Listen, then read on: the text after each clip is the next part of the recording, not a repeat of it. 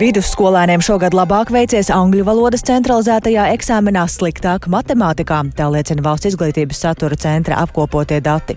Plašāk par jauniešu sekmēm eksāmenos un tendencēm jau pēc brīža raidījumā pēcpusdienas stāstīsim plašāk. Ceļotāji neizpratnē, kāpēc daudzos Latvijas novados vietējie turisma informācijas centri nedēļas nogalēs ir slēgti. Raidījumā plašāka reportāža no Valkas un arī turisma nozares ekspertu viedoklis. Bet pasaules mediju uzmanība pievērsta Indijai, kas šodien palaidusi kosmosā raķeti, kam uz mēnesis virsmas jānogādā bezpilota kosmosa kuģis ar izpētes robotu. Arī par to visu plašāk raidījumā pēcpusdiena kopā ar mani Dāci Pēkšēnu.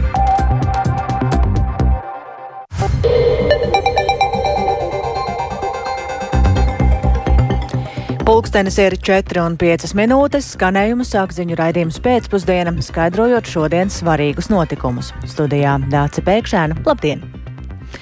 Koalīcijā ietilpstošais apvienotais saraksts rosina papildināt premjera Krišāņa Kariņa no jaunās vienotības nosaukto valdības prioritāro uzdevumu sarakstu. Tā politiķi ir paziņojuši pēc abu pārteju šodienas sarunām. Vienlaikus apvienotā saraksta pārstāvi atkārto, ka iebilst pret koalīcijas paplašināšanu ar pašlaik saimas opozīcijā esošiem politiskiem spēkiem. Tikmēr valsts prezidents Edgars Rinkēvičs šodien ir paudis, ka augusta vidū vai otrajā pusē sagaida skaidrs skaidrība par valdības sastāvu un darbības plānu. Politiķu sarunām turpina sekot līdzi Jānis Kīncis un vairāk viņa sagatavotajā ierakstā. Augusta vidū valdība apņēmusies sākt sarunas par nodokļu pārmaiņām, par skolu tīklu un veselības aprūpes sistēmas reformām. Tad arī vajadzētu būt skaidrībai, kādā veidā un kādā sastāvā valdība strādās. Pašlaik mēnesi pirms tam koalīcijā ietilpstošais apvienotais saraksts aicināja uz sarunu premjeru un citus kolēģis no jaunās vienotības un rosināja papildināt valdības fokusu banku sektoru trūkumiem, tā skaitā pievērst uzmanību vājajai kreditēšanai reģionos un birokrātijas mazināšanai dažādu pakalpojumu pieejamībā. Par to esot kopīga sapratne, un abas puses vienojās atkārtoti tikties, lai izskatītu konkrētus priekšlikumus tautsēmniecības stiprināšanai. Vienlaikus apvienotā saraksta saimas frakcijas vadītājs Edgars Tavars izskaidrojas, kāpēc paliek pie sava, noraidot koalīcijas paplašināšanas ideju. Nelolojam ilūzijas. Apvienotais saraksts no 1. oktobra naktas mēs gan šajā vērtību vektorā, gan dažādu uzdevumu vektorā redzam to, ka šī trīs frakciju koalīcija idejiski, valstiski un arī personību līmenī, gan partiju vadību līmenī, gan arī deputātu līmenī, kurus iespējams nevar raustīt kāds no malas, kāds no ezera makšķerējot asarus un dodot dažiem norādījumus, kas tālāk pārstāv visu šo jautājumu nodod. Mēs redzam, ka um, šo trīs frakciju koalīcija ir optimāla lieluma un apvienotiem sarakstam. Man, kā es arī šodien arī um, ministrs prezidents informēju, man nav mandāta no frakcijas, un kolēģi arī vairākums bija klāts šodien apliecina to, ka nav mandāta runāt to, par kādu iespējamu paplašināšanu. Koalīcijas aprises noteiks arī politisko spēku gatavību kompromisiem. Tā iepriekš izteicies valdības vadītājs Krišjāns Kariņš no jaunās vienotības. Pēc šīs dienas sarunas ar apvienotā saraksta kolēģiem viņš atkārtoja, ka vēlas raitāku valdības darbu skolu tīkla sakārtošanā, veselības aprūpes situācijas uzlabošanā, ārvalstu darba spēka piesaistes jautājumos, kā arī valsts kapitāla sabiedrību virzīšanā uz biržu un arī par Stambuls konvencijas ratificēšanu, izpildot satvērsmes tiesas lēmumu par kopdzīves regulējumu. Vairāk lēmēju piesaistīšana šajos jautājumos premjeras saista ar plašākas sabiedrības interešu ņemšanu vērā. Vienlaikus finanšu ministrs Arvils Ašradens no jaunās vienotības uzsvēra, ka pēc tam, kad sarunās par valdības darbiem iesaistīti arī pašreizējie opozicionāri no Zaļo un Zemnieku savienības un progresīvajiem, koalīcijas partneri esot sasparojušies. Premjerministrs uzlika dienas kārtībā piecus ļoti svarīgus jautājumus, par kuriem notika diskusijas. Un, tas, ko mēs redzam attiecībās ar apvienoto sarakstu, ir noticis milzīgs progress. Patiesībā. Mums bija ārkārtīgi grūti sastādīt valdības deklarāciju. Mēs ņēmāmies par vienu vai otru trešo jautājumu. Ja mēs šodien redzam, praktiski nav nekādu lielu domstarpību fundamentālos jautājumos. Ja? Plus vēl, piemēram, tā dinamika, kur mums bija tabū jautājumi, tiek meklēti labākie veidi, kā parlamentā dabūt atbalstu, piemēram, Stambuls konvenciju. Valsts prezidents Edgars Rinkevičs līdz augusta vidum vai otrajai pusē sagaida skaidrību par turpmāko valdības sastāvu un darbības plānu. Vienlaikus pēc tikšanās ar premjeru viņš bija noslēpumains par savu iespējamo rīcību, jo politiskiem spēkiem tas neizdosies. Es sagaidu, ka visu partiju, gan valdībā esošo, gan arī opozīcijā, ar kurām notiek sarunas. Esošie politiķi tomēr šim procesam pieies atbildīgi. Pašlaik es uh, nesākšu uh, jau uz priekšu skriet notikumiem tā vienkāršā iemesla dēļ, ka tad pazudīs tas potenciālais pārsteiguma efekts gadījumā, ja kaut kas neies uz priekšu. Jānis Kincis, Latvijas radio. Un eh, paturpinot par apvienoto sarakstu, tad eh, šīs partijas sēmas deputāti ir iesnieguši izglītības un zinātnes ministrijā vairākus priekšlikumus skolu tīkla reformai, tostarp piedāvājot pārņemt skolu tīkla sakārtošanu no vidusskolas posma, nevis septītās klases, kā šobrīd ir piedāvājusi ministrija. Tā liecina informācija partijas mājaslapā un kopumā ir iesniegti septiņi priekšlikumi skolu tīkla pilnveidošanai. Tas gan ir par nākotni, bet par šā brīža situāciju runājot, mums ir iespēja palūkoties, kādi tad ir bijuši vidusskolas eksāmenu rezultāti šajā gadā. Un tāpat kā pamatskolāniem, arī vidusskolāniem labāk ir gājis angļu valodas eksāmenā, sliktāk matemātikas. Tā šodien ziņo valsts izglītības satura centrs. Un plašāk par vidusskolēnu centralizēto eksāmenu rezultātiem ir gatavs stāstīt kolēģe Agnija Lāstiņa, kura šobrīd atrodas studijā. Sveika, Agnija, un saki, kādas tad ir tās galvenās tendences šī gada eksāmenos? Labdien! Jā, tātad, lai iegūtu apliecinājumu par vispārējās vidējās izglītības apguvi, šogad bija jānokārto latviešu valodas, matemātikas un svešvalodas eksāmens vismaz optimālajā līmenī un divi eksāmeni no 14 piedāvātiem augstākajā līmenī. Un kopumā aptuveni 54 tūkstoši skolēni ir ieguvuši certifikātus par vidējās izglītības programmas apguvi, un, lai eksāmenus nokārtotu, bija jāiegūst vismaz 10%. Taču ir aptuveni 1000 skolēnu skolēnu, kas nenokārtoja eksāmenus. Tie tad attiecīgi varēs mēģināt atkal nākamgad, bet tad eksāmena nokārtošanai būs jāiegūst jau vismaz 15%. Bet par eh, šī gada rezultātiem. Eh, šis ir pirmais mācību gads, kad 12. klašu skolēnu eksāmenus kārtoja atbilstoši jaunajam mācību saturam, un otrais gads, kad vidusskolas skolēniem ir iespēja kārtot arī optimālā līmeņa pārbaudījumus. Līdz ar to centralizēto eksāmenu dati nav salīdzinājumi ar iepriekšējo centralizēto eksāmenu datiem datiem, izņemot uh, tieši optimālā līmeņa eksāmenus, jo tiek kārtot arī pagājušajā gadā. Un optimālajā līmenī angļu valodā eksāmena vidējais vērtējums bija 63%, latviešu valodā 54%, bet matemātikā 35%. Un paklausīsimies, kāds tad ir vērtējums par optimālajiem eksāmeniem valsts izglītības satura centra vadītājai Lienai Voroņenko. Kopējais vidējais vērtējums optimālā līmeņa eksāmenos būtiski nav mainījies salīdzinājumā ar pagājušo gadu, it īpaši attiecībā uz latviešu valodu un matemātiku. Jo pat ja mēs redzam nelielu procentuālu kritumu, tas lielākoties ir saistīts ar to, ka šogad diezgan daudzi skolēni apzināti izvēlējās demonstrēt savu sniegumu uzreiz jau augstākā līmeņa eksāmenā. Līdz ar to pat šis nelielais kritums visticamākais ir saistāms ar kopas samazināšanos un to, ka spējīgākie skolēni ir gājuši patiešo kārtot tieši augstākā līmeņa eksāmenus. Piemēram, latviešu valodas optimālajā līmeņa eksāmena rezultāti liecinot, ka daļai skolēnu lielākās grūtības esot radījusi tieši nepietiekami nostiprināta teiktpratība, proti uzdevumu nosacījumu izlasīšana, to izpratne un atbilstošu lasīšanas stratēģiju izmantošana. Savukārt, jau runājot par augstākā līmeņa eksāmeniem, tad vidējais vērtējums angļu valodā ir 65%, matemātikā 60%, bet latviešu valodā 56%, un kā norāda Liena Varaņenko, matemātikas eksāmenu apzināti ir kārtojuši skolēni ar labām zināšanām. Tāpēc arī ir labs rezultāts. Vienlaikus ir radies arī kāds cits secinājums ka ir salīdzinoši liela skolēnu grupa, kura ir izvēlējusies tos mācību priekšmetus augstākajā līmenī, kas pirms šķietam ir likušies vieglāk saprotami. Un tie šobrīd ir latviešu valoda, sociālās zinības un vēsture. Un vienlaikus šīs izvēles nav bijušas pamatotas ar viņu individuālajām interesēm vai individuālajām zināšanām, bet iespējams stereotipiem par spēju nokārtot salīdzinājumā matemātiku vai kādu no dabas zinātņu priekšmetiem. Un šī stratēģija nevienmēr ir attaisnojusies, jo augstākā līmeņa eksāmenis vēlreiz prasa pamatīgākas zināšanas, spēju iedziļināties un pašvadīti mācīties. Un, lūk, piemēram, šeit latviešu valodas augstākā līmeņa eksāmenā vērtētāji novērojumi liecinot, ka skolēni nevienmēr izpratuši, kas viņiem ir jādara. Bijuši darbi, kuros dominējot satura atstāstījums vai katrs teksts analizēts atsevišķi un trūcis plašākas izpratnes par kultūru un Latvijas vēsturi. Problēmas ar argumentāciju ir novērotas arī tiem skolēniem, kas izvēlējās kārtot eksāmenu vēsturē un sociālajās zinātnēs. Un uh, šo priekšmetu eksāmenos arī uzrādīt vienu no zemākajiem vidējiem sniegumiem starp visiem augstākā līmeņa eksāmeniem. Taču augot to skolēnu skaits, kas izvēlas kārtot augstākā līmeņa eksāmenus dabas zinātnēs, ko gan saist ar prasībām iestājoties augstskolā.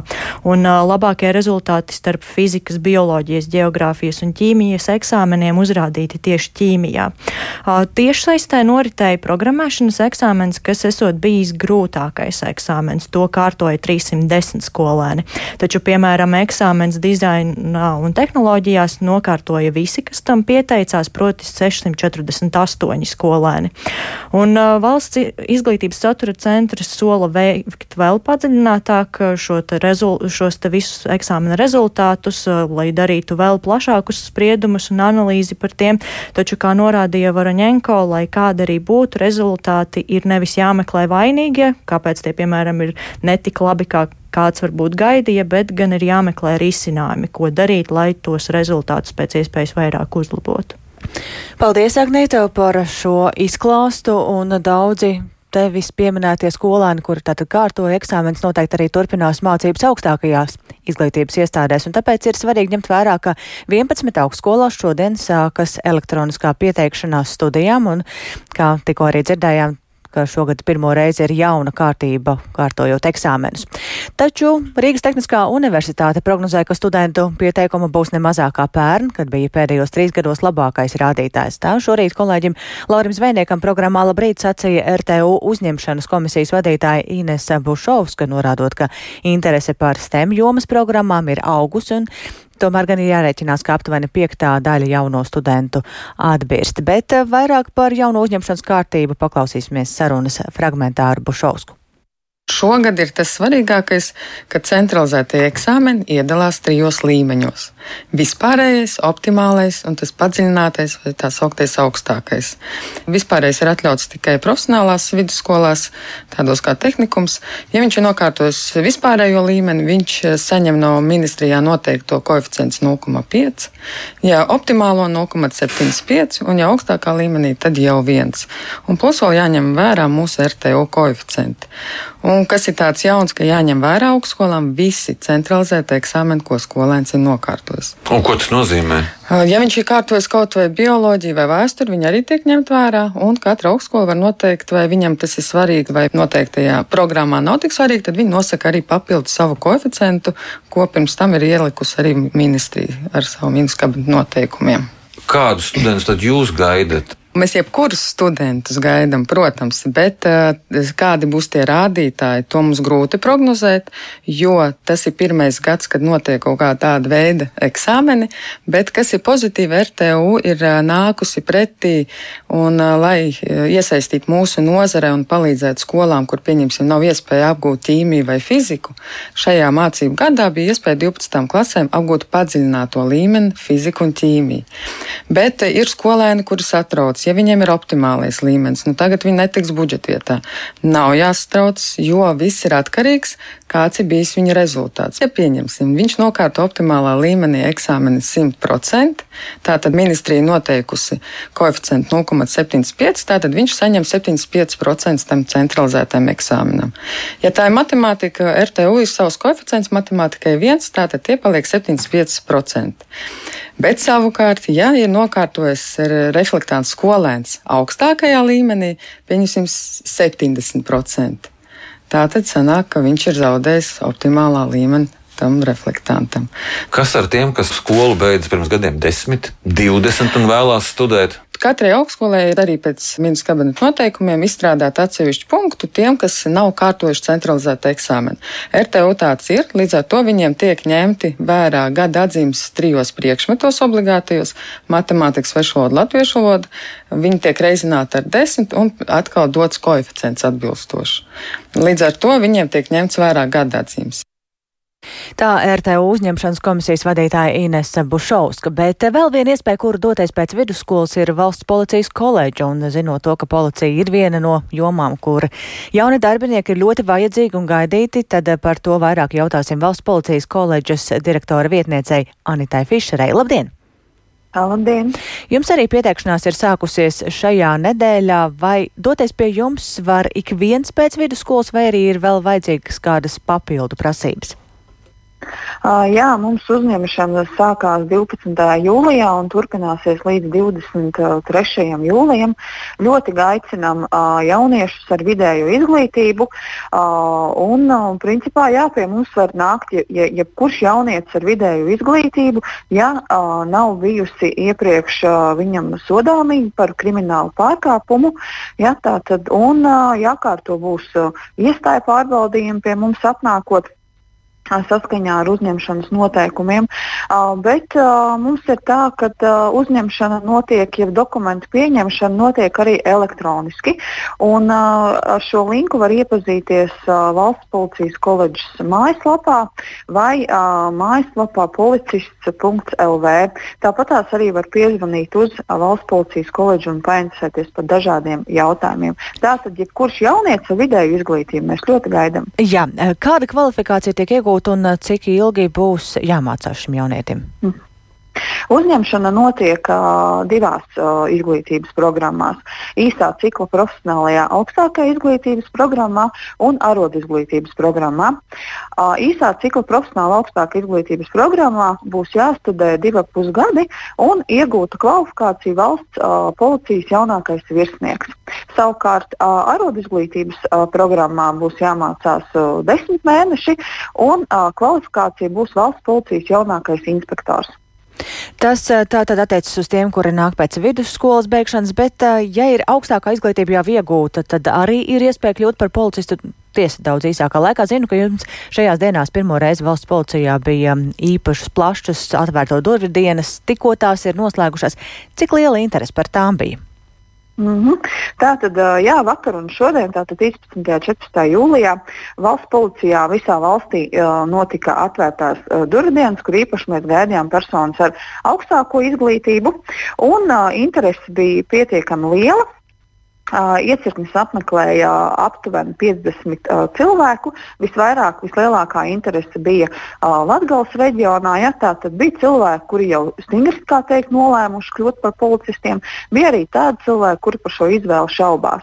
Uh, bet uh, interese bija, ņemot vērā to, ka tas notiek pirmo reizi, uh, interese mūsuprāt uh, bija pietiekama. Rīgas reģioni gan bija nedaudz, uh, cilvēki Rīgas reģionos gan bija nedaudz kūtrāki, bet uh, mēs ļoti ceram, ka nākamreiz arī Rīgas reģiona tiks vairāk apmeklēti. Paldies! Paldies par sarunu valsts policijas koledžas direktoru vietniecei Anitai Fišerei. Tas liek domāt, ka policista rindas tiks papildinātas, bet turpinot par kādu citu tematu. Mēneša beigās vilcieni no Rīgas uz Liepāju sāks kursēt katru dienu. Tā šodien lēma sabiedriskā transporta padome, un līdz šim vilciens starp abām pilsētām ir kursējuši vien divas reizes nedēļā, un bieži vien bija arī pilni. Vairāk par šodienas lēmumu ir gatavs stāstīt kolēģis Viktors Demīdovs, kurš šajā brīdī pievienojies ir studijā. Sveiks, Viktor, un saki, kādas tad pasažieriem būs iespējas nokļūt no vienas pilsētas otrā? Labdien! Jau no 31. jūlija pirmdienas starp Rīgu un Liepāju vilcienu sāks kursēt katru dienu, un paredzēts, ka no Liepājas transports izbrauks īsi pirms pieciem rītā un galvaspilsētā būs pēc astoņiem, bet atpakaļ uz Liepāju vilciens izbrauks īsi pirms pusseptiņiem vakarā un tuvāk desmitiem vakarā būs jau Latvijas trešajā lielākajā pilsētā. Tas būs pagarinātais vilciens Rīga Dobele, kas tagad kursē gandrīz katru katru darba dienu. Bet uh, svētdienās starp abām pilsētām būs pat divi reisi - ap diviem dienā un ap pusseptiņiem vakarā no Rīgas un ap pieciem rītā uh, un pussešos vakarā no Liepājas. Tagad starp abām pilsētām vilciens kursē vien divas reizes nedēļā no Rīgas tātad piekdienu un svētdienu, bet no Liepājas sestdienu un svētdienu. Uh, par reisu skaita palielinājumu runāts jau kādu laiku, tā, taču līdz šim valstī bija bažas, vai visās dienās sastāvs būs piepildīts. Un uzņēmumā pasažieru vilciens ziņo, ka uh, piekdienas vakara reiss no Rīgas uh, un svētdienas reiss no Liepājas ir gandrīz pilnībā piepildīts. Nu, tad sanāk no 210 uh, vietām aizņemtas varētu būt kāds 200 aptuveni plus mīnus.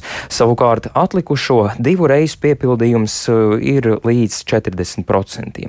Un, uh, ja runājam par statistiku, nu pati jaunākā ir tāda, ka šogad maijā starp abām pilsētām pārvadāti vairāk nekā 2,6 tūkstoši pasažieru, tas ir tieši par vilcienu, ja runājam, bet jūnijā jau gandrīz 3 tūkstoši. Jūlijā iespējams varētu būt vēl vairāk pasažieru. Un, ja salīdzina ar daudzajiem autobusu reisiem, tad vilciens ir ne tikai izdevīgāks. Nu, 7,4 eiro ir biļete vilcienā, bet autobusā vismaz par 1,25 eiro vairāk. Bet uh, vilciens ir arī ātrāks par vairumu autobusu, kas brauc aptuveni 3,5 stundas, bet vilciens par 15-20 minūtēm mazāk. U, uz to šodien uh, sabiedriskā transporta padomes sēdē norādīja autotransporta direkcijas vadītājs Artūrs Cauni. Šobrīd notiek darbi Rīgas Jālgavas līnijā. Tas ir viens no apsvērumiem, kāpēc mēs šobrīd runājam precīzi tikai par vilcienu pagarinājumu un nevis par citiem vēl papildus pasākumiem, kuriem būtu potenciāli arī vēl pozitīva ietekme jo jauda ir salīdzinoši ierobežota. Arī ir zinām ierobežojumi no kustības grafika viedokļa, bet uh, varētu teikt, šogad vēl tad uh, runājot uh, augusts līdz decembris, mums būtu šāds grafiks, bet ar nākošo gadu vai pēdējā sakot 23. gada decembra grafika, stājas spēkā ziemas kustības grafiks, jo tad uh, mēs varam arī mazliet šos te braukšanas laikus pārskatīt un iespējams arī sasniegt uh, vēl labākus rādītājus. Tālūk autotransporta direkcijas vadītājs Artūrs Caune un atjaunojot ikdienas satiksmi starp galvaspilsētu un Liepāju, liels iegums, protams, būs arī pašiem liepainiekiem, un šādu lēmumu atzinīgi vērtē pilsētas mērs Gunārs Anziņš no Liepājas partijas. Šāds savienojums ir pietiekoši loģisks. Arī sarunās ar transporta direkciju mēs esam pārliecinājušies, ka viņš ir ekonomiski arī pamatots. Es ļoti pozitīvi vērtēju šo padomus lēmumu, viņš ir apsveicams un uh, ar nepacietību gaidām pirmos viesus Lietpājā. Protams, uh, vilciens no vienas puses ir arī drošāks. Šeit ir iespējams arī pārvadāt, piemēram, arī velospēdus bez problēmām. Tas, uh, protams, pilsētā dod jaunas turismu plūsmas un iespējas. Tad lūk, dzirdējām arī Liepājas mēru Gunāru Ansiņu par šādu iniciatīvu. Jā, labi, tu tagad tik daudz izstāstīji par vilcienu un tām plašajām iespējām no Rīgas uz Liepāju, no Liepājas uz Rīgu, bet kas tad notiek ar autobusu reisiem? To arī šķiet vidēji dienā ir vairāk nekā 20.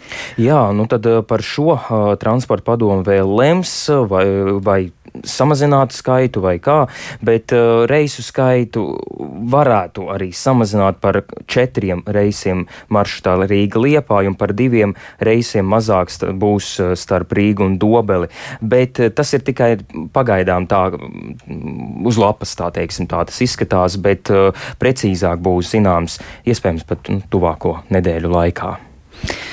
Paldies Viktoram Demīdovam, un uh, tā tad uz Liepāju un atpakaļ no augusta varēs jau braukt katru dienu. Vilciens noteikti arī ir labs veids, kā ceļot pa Latviju, bet um, arī šādā gadījumā aizbraucot uz kādu mazāk zinām vietu, noteikti noderīgi būtu arī turisma informācijas centri, un katrā administratīvajā teritorijā Latvijā ir viens vai pat vairāki turisma informācijas centri, biroji vai punkti, vietu kuru ceļotājiem no ārzemēm vai arī vietējiem atpūtniekiem ir šī iespēja saņemt ziņas par apskates vietām, objektiem, aktivitātēm un norisēm novados.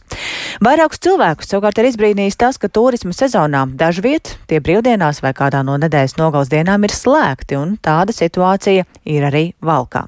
Lai noskaidrotu, kādēļ uz pierobežas pilsētu devās Santa Adamsoni. No Latvijas rādio. Ko jūs domājat par to, ka nestrādā turisma centrs svētdienā? Nu, arī viņam vajag atpūsties. Man liekas, ka svētdien viņam vajadzēja strādāt, tomēr brīvdiena un cilvēki braukā tepat Igaunijā blakus. Nu, Igauni maz ko zina par šo galu. Būtu labi jāstrādāt. Man tas šķiet. Nu, ja, piemēram, kādiem turistiem ir nepieciešama kaut kāda informācija, nu, cilvēki vienkārši apstādina uz ielas gājējus un jautā, ko darīt tālāk. Jums tāda ir bijusi kādreiz? Jā, ir bijis. Prasa, piemēram, pajautā, ko varētu apskatīt valkā. Valks novada turismu un informācijas birojas no jūnija vidus līdz oktobrim. Sestdienās strādās vien līdz diviem, bet svētdienās slēgts. Iepriekš bijusi brīva arī pirmdiena, bet garāks darba laiks sestdienā.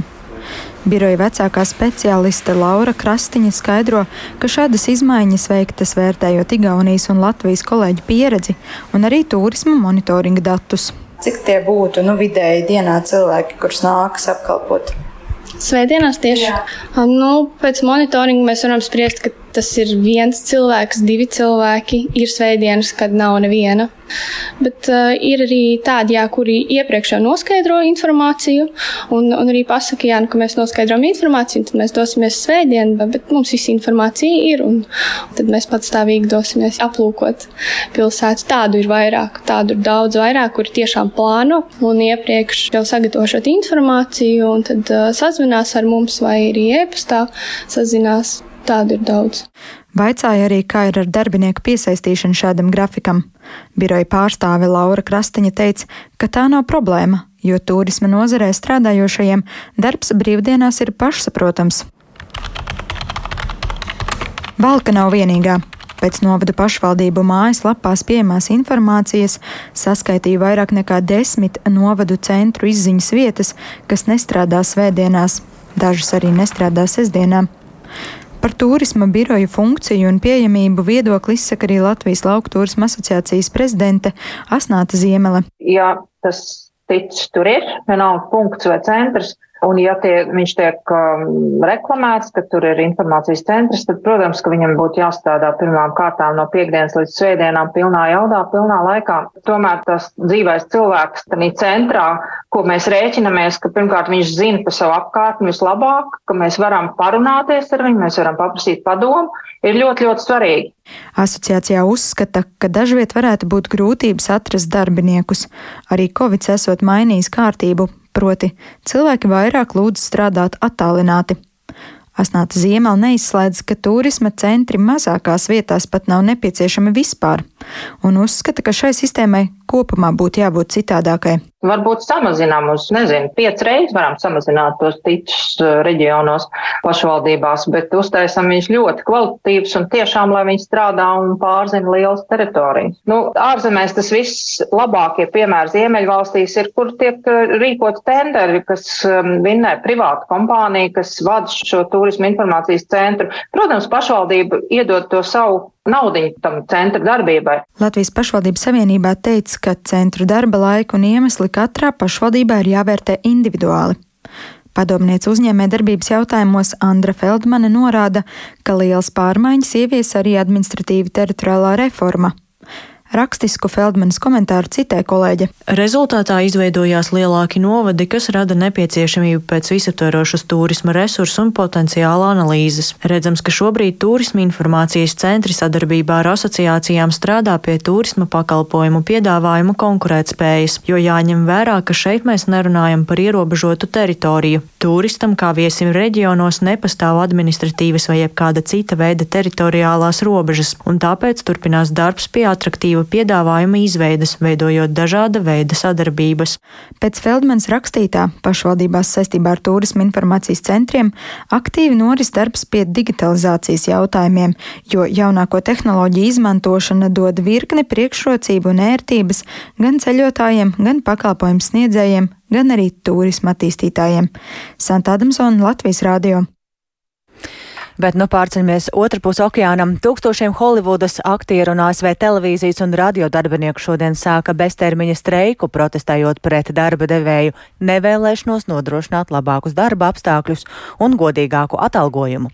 Industrijā strādājošos satrauc arī straujā mākslīgā intelekta tehnoloģija ienākšana kino un televīzijas nozarē. Kino aktieri ir pievienojušies streikojošiem Holivudas scenāristiem, faktiski paralizējot miljardiem dolāru vērto nozari. Un plašāk par to Ulda Ķesberi sagatavotajā sižetā.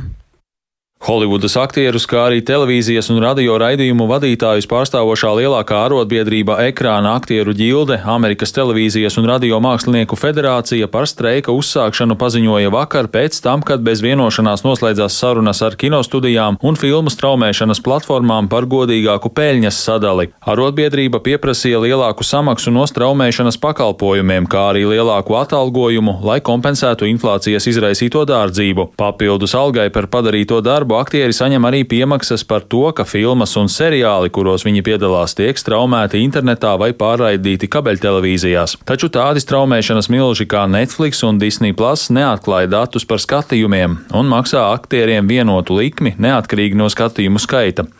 Arotbiedrība arī aicināja sniegt garantijas, ka kinostudijas bez aktieru piekrišanas neizmantos viņu digitālos attēlus vai balss ierakstus mākslīgā intelekta ģenerētos produktos. Arotbiedrība paziņoja, ka streiks ir ir galējais līdzeklis, lai panāktu savas prasības, bet organizācijas prezidente Frāna Drešera apsūdzēja kinostudijas un straumēšanas platformas alkatībā.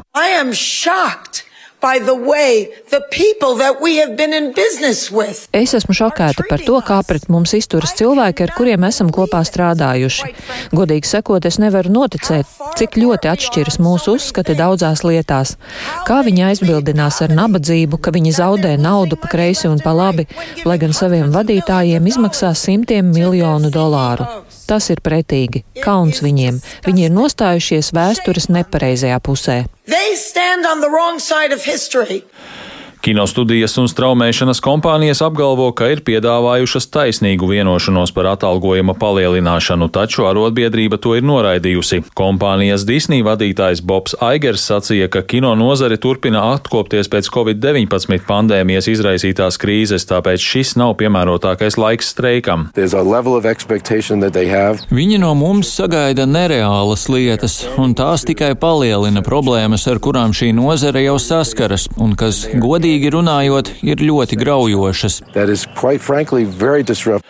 Streika sākšanās nozīmē, ka aptuveni 160 tūkstoši arotbiedrības biedru pārtrauks darbu. Saviem kolēģiem solidaritāti izrādījušas arī Holivudas zvaigznes. Piemēram, aktieris Mets Deimons vakar filmas Oppenheimers pirmizrādes laikā Londonā kopā ar vēl vairākiem kolēģiem pameta skatītāju zāli. Deimons sacīja, ka streiks nav viegla izvēle, bet tas esot bijis nepieciešams.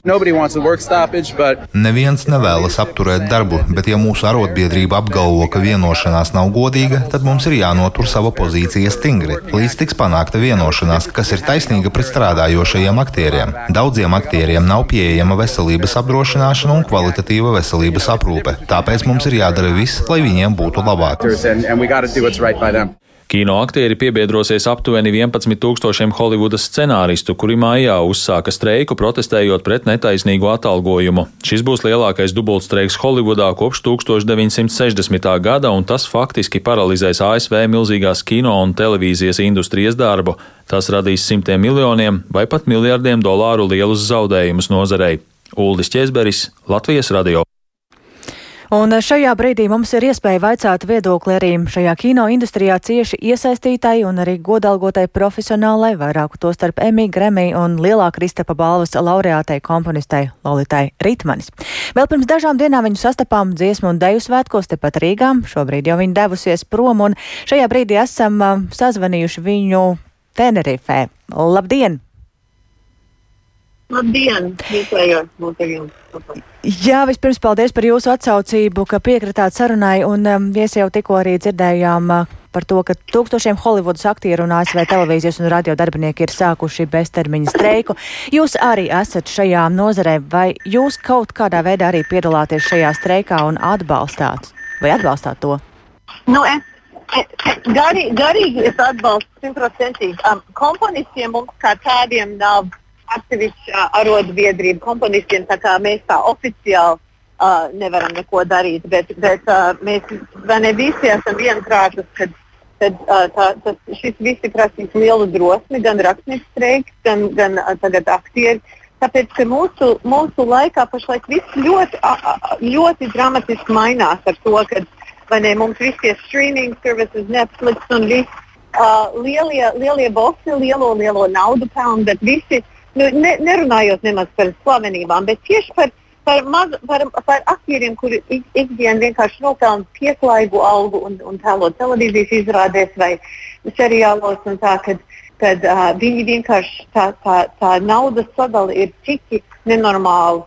Uh, nenormāli, saka, ka tagad ir tas laiks uh, man vis, vispār redzēt, kā, kā tos priekšu virzīt. Un tad, kur nu vēl runājot par visu, ko, ko vēlas darīt ar, ar nu, AI, mākslīgo in, inteligenci, ka viņi vēlās vienkārši paņemt cilvēku balstu un to manipulēt un pielikt klāt, kā viņi vēlās. Kā, un arī, arī tēlus. Tā, tā kā, tas ir, es ļoti atbalstu to. Es domāju, ka ne, būs, būs grūti visai industrijai, un faktiski pasaule arī to jutīs, kad nebūs uh, viņiem uzreiz pietrūks visas savas, savas jaunās izrādes un jaunās filmas. To tikai jutīs droši vien.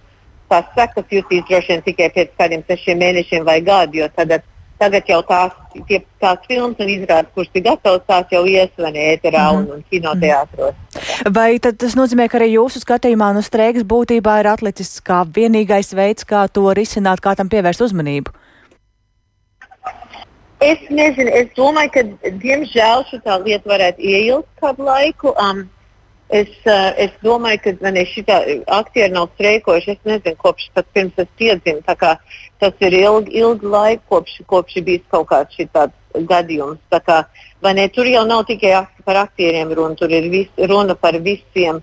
Visiem papildus spēkiem, vis, ne, ja nav, pirmkārt, ja nav, ja nav scenārijs, tā kā rakstnieki vēl streiko, uh, un ja nav ja, ja aktieri nevar tēlot tajās ne, filmās un, un, un izrādēs, tad arī pēc tam nav ne, ne pēcapstrāde, nav, nav uh, montēšana, montēšana un mūzika, un kur nu vēl, piemēram, vienkārši ne, ap, apgaismotāji. Tā kā visi, visi pat tie, kuri nestreiko, nestreiko vienkārši uh, visi, visi mēs to jutīsim. Um, uh, animācija gan ir, tur ir cits Jā, dru, jā, bet tur animācijā ir arī uh, viena cita arotbiedrība. Tur varētu uh, vēl būt kaut kas, kas vēl turpinās, un, un arī dzīvā, dzīvie man ir koncerts un tā, un teātris un tāpēc, ka tieši filmās un televīzijas izrādēs. Es ceru, ka, es ceru, ka kad, uh, lielās studijas un lielie producenti drīz nāks, uh, mm -hmm. saka, nāks pie prāta un sapratīs, ka, ka māksliniekus ir, ir jāatbalsta. Un, un ka tā nav naudas kāre, ka tas vienkārši ir viņiem. Tās lielās zvaigznes, kas pašlaik par to runā, viņiem nav problēma. Viņiem ir nauda, cik nevajag, bet ir, ir, ir tiešām par tiem, kuri visas vis tās blakus lomas un viss, ne, kad viņi vienkārši Viņi, viņi ir centiņš pelna, mm -hmm. kurš agrāk viņi pelnīja vienkārši tā, ka var iztikt. Kā jūs teiktu, par cik lielām pārmaiņām liecina notiekošais? Nu, iepriekš bija mītū skandāls, kas daudz ko mainīja. Varbūt arī šis varētu būt tāds pagrieziena punkts industrijā. Es domāju, ka šis varētu tiešām būt pagrieziena punkts. Es nedomāju, ka, ne aktieri, ne rakstnieki dabūs visu, visu to, ko viņi vēlas, bet es domāju, ka vismaz, vismaz uh, tas varētu palīdzēt, lai tās lietas iet uz labo pusi. Jo um, es atceros, ne, ka tas nav varbūt tieši salīdzinājums, bet es atceros, kad, piemēram, ar, ar ierakstiem, kad bija padomu okupācijas laiks, kad Čikāgas piecīšu ieraksts vienkārši katrs varēja pats pavairot vienkārši uz kasetītiem un pat pārdot pats. Tas nepiederēja viņam, tas piederēja ne, Albertam Legziņam un Armandam Birkenam, bet līdzīgi savā ziņā, kad aktieri, kur tēlo lielās Netflix, ne, Netflix, HBO, uh, Warner Brothers, visās lielās, tagad, kad tas ir, nu, kā saka, streaming, kas nav, nav tiešai, bet kur, kur, kur par maksu, tā maksa neiziet tiem aktieriem vairs. Viņi iet tikai tiem producentiem. Tā kā, tas, uh, tas, es domāju, ka tas ir tiem, kas to rada un, un uh, kas savu kreativitāti iedod, lai vispār tas būtu, kas tas ir. Um, kad viņiem arī pienākās daļa no šīs peļņas. Es domāju, ka viņi, viņi turēsies un, un gan, jau kas, gan jau kaut kas labs iznāks. Tikai jāsaka, ka nebūs tik ilgi tas streiks, mm -hmm. jo tas katru, katru dienu um, maksā tiešām lielu naudu un cilvēki no tā tieši, kuri ne, kuriem ne, varbūt pat Jā. arī, pat, piemēram, ēdnīcas blakus, tur, kur filmē un tā, kad ne, vienkārši viss uzspiest, viss slēgts. Es neesmu mājās, pašlaik es esmu Kanārijas salās filmmuzikas konferencē, bet Tad jums droši vien vēl nav tikšu mājā būt. Jā, tad jums vēl arī nav izdevies aprunāties ar kolēģiem droši vien par notiekošo īsti vēl. Nē, tikai mans aģents raksta man, ne, mm. ah, te ir brie, briesmas, vai ne? tu, tu, tu, tu nokavēji kaut ko, ne? Nav ko steigties, vai ne? Jo tagad viss tagad ies, vai ne? Tagad viss ies mm. uz postu laiku, kamēr, kamēr šī tā lieta nekristalizēsies, kas te īsti būs. Jā, paldies jums par Jā. sarunu. Paldies, sarunājāmies ar komponisti Lolitu Rītmanis. Bet eh, Indija šodien ir palaidusi kosmosā raķeti, kam jānogādā bezpilota kosmosa kuģis ar izpētes robotu uz mēnesis virsmas. Ja misija būs veiksmīga, Indija būs pirmā valsts, kas ir nosēdusies mēnesi uz maz, mēnesi maz izpētītā dienvidu pola tuvumā. Un šajā reģionā pēc zinātnieku teiktā ir daudz lielāka iespēja atrast ūdeni. Lai noskaidrotu plašāk par Indijas nospraustiem misijas mērķiem esam sazinājušies ar kolēģi Rihardu Plūmi. Sveiks, Riharda, izstāsti sīkāk, kas šī ir par misiju. Jā, labdien! Nu, par eh, kosmosa izpēti runājot daudziem, es tā vismaz pieļauju. Pirmais, kas ienāk prātā, ir eh, NASA, eh, ASV kompānija. Taču amerikāņi nebūtu nav tie vienīgie, kas pēta kosmosa planētas un pavadoņus, un to dara arī, piemēram, Indija. Un šī arī nebūtu nav pirmā reize, kad Indija mēģinājusi nosūtīt tehniku uz mēnesi.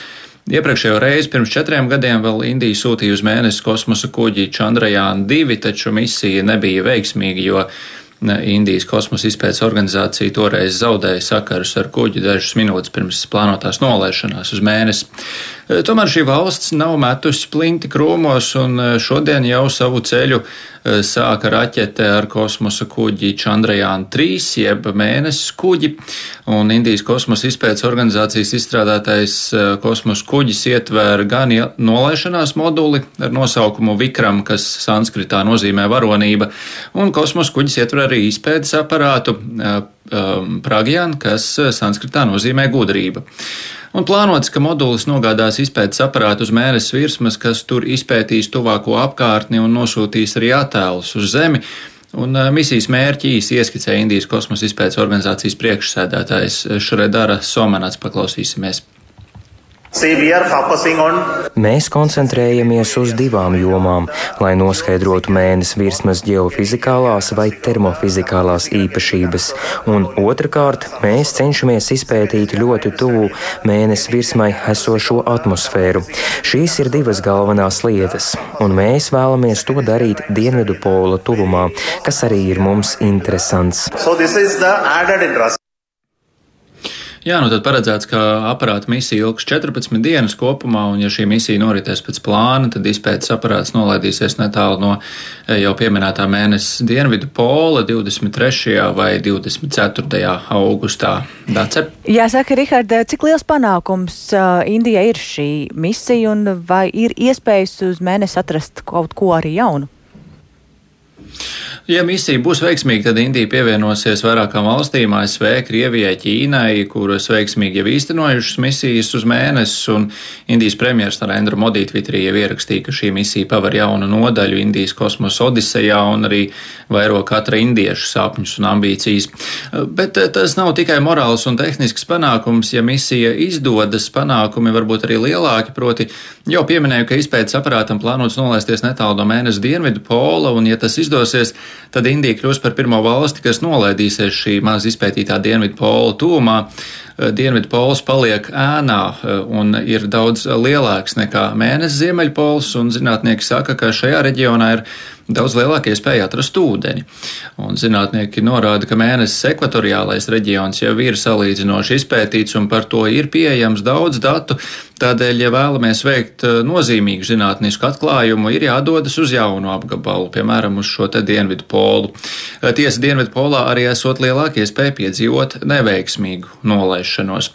Un jāpiebilst, ka arī NASA ir paziņojusi par plāniem līdz 2024. gadam nosūtīt amerikāņu astronautus uz mēnesi dienvidu polu, galvenokārt, lai meklētu ūdeni, eh, kas ir kritisks resurss ilgtermiņa izpētai, lai arī eh, uzturētos uz mēnesi ilgāk un eh, arī iespējams no turienes jau tālākā nākotnē dotos arī uz citām Saules sistēmas planētām.